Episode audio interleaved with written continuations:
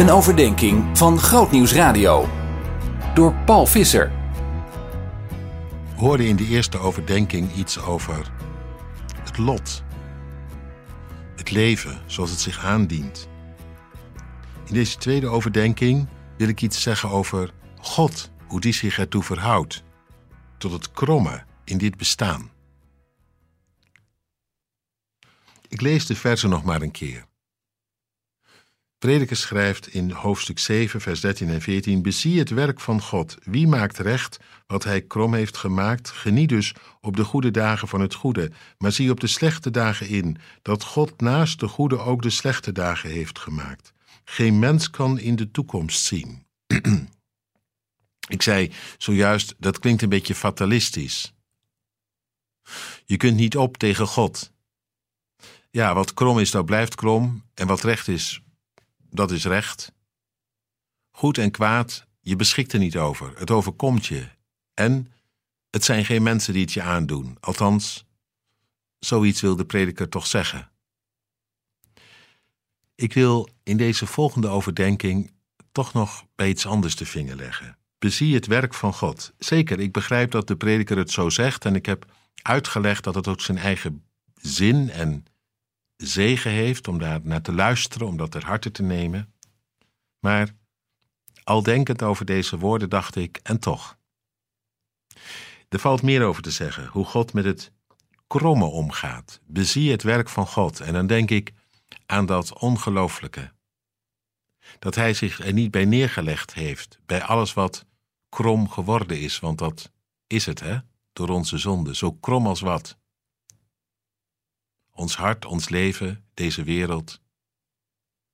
Het is niet meer zoals het ooit God voor ogen stond. Dat mooie, dat gave, dat goede, waarin de dingen klopten.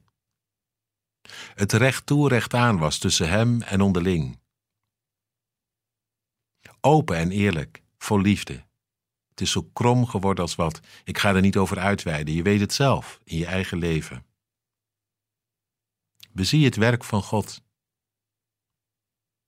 Hij weet met dat kromme zo raad dat hij het recht boog. Ik kijk naar het kruis. Het was zo krom als wat dat Jezus daar hing. Het klopte voor geen ene meter. Wie maakt recht wat God krom gemaakt heeft? Ja, hij zat er zelf achter. God. Al zo lief had God de wereld. Dat als er dan iemand moest bloeden, als er dan recht moest worden gedaan, als er dan iets moest worden rechtgezet tussen hem en ons, dat niet wij hingen, maar hij. Het kromme werd recht gemaakt, hoe krom het er ook uitzag. Jezus, Gods eigen zoon, aan een kruis. Hij bloedde, hij bad. En wij, wij leven ervan op goede dagen en in kwade dagen. Nou ja, anders nog gezegd, leef je bij Hem, dan wordt elke dag, zelfs als die om te huilen is, toch een goede dag. Nee, niet om het verdriet daarmee weg te praten. Maar wat Jezus zei wordt waar als je blijft in mijn liefde. Blijft mijn blijdschap in jou. En de toekomst? Nou, die is dan open of het nu over de hoogte gaat of door de diepte, je weet, hier beneden is het niet. Maar het zit eraan te komen, dat van God, die toekomst, die al mijn begrip te boven gaat. Godlof. Bezie het werk van God nog eens en je wordt er blij van. Zien in nog een podcast? Luister naar De Preek van de Week via grootnieuwsradio.nl/podcast.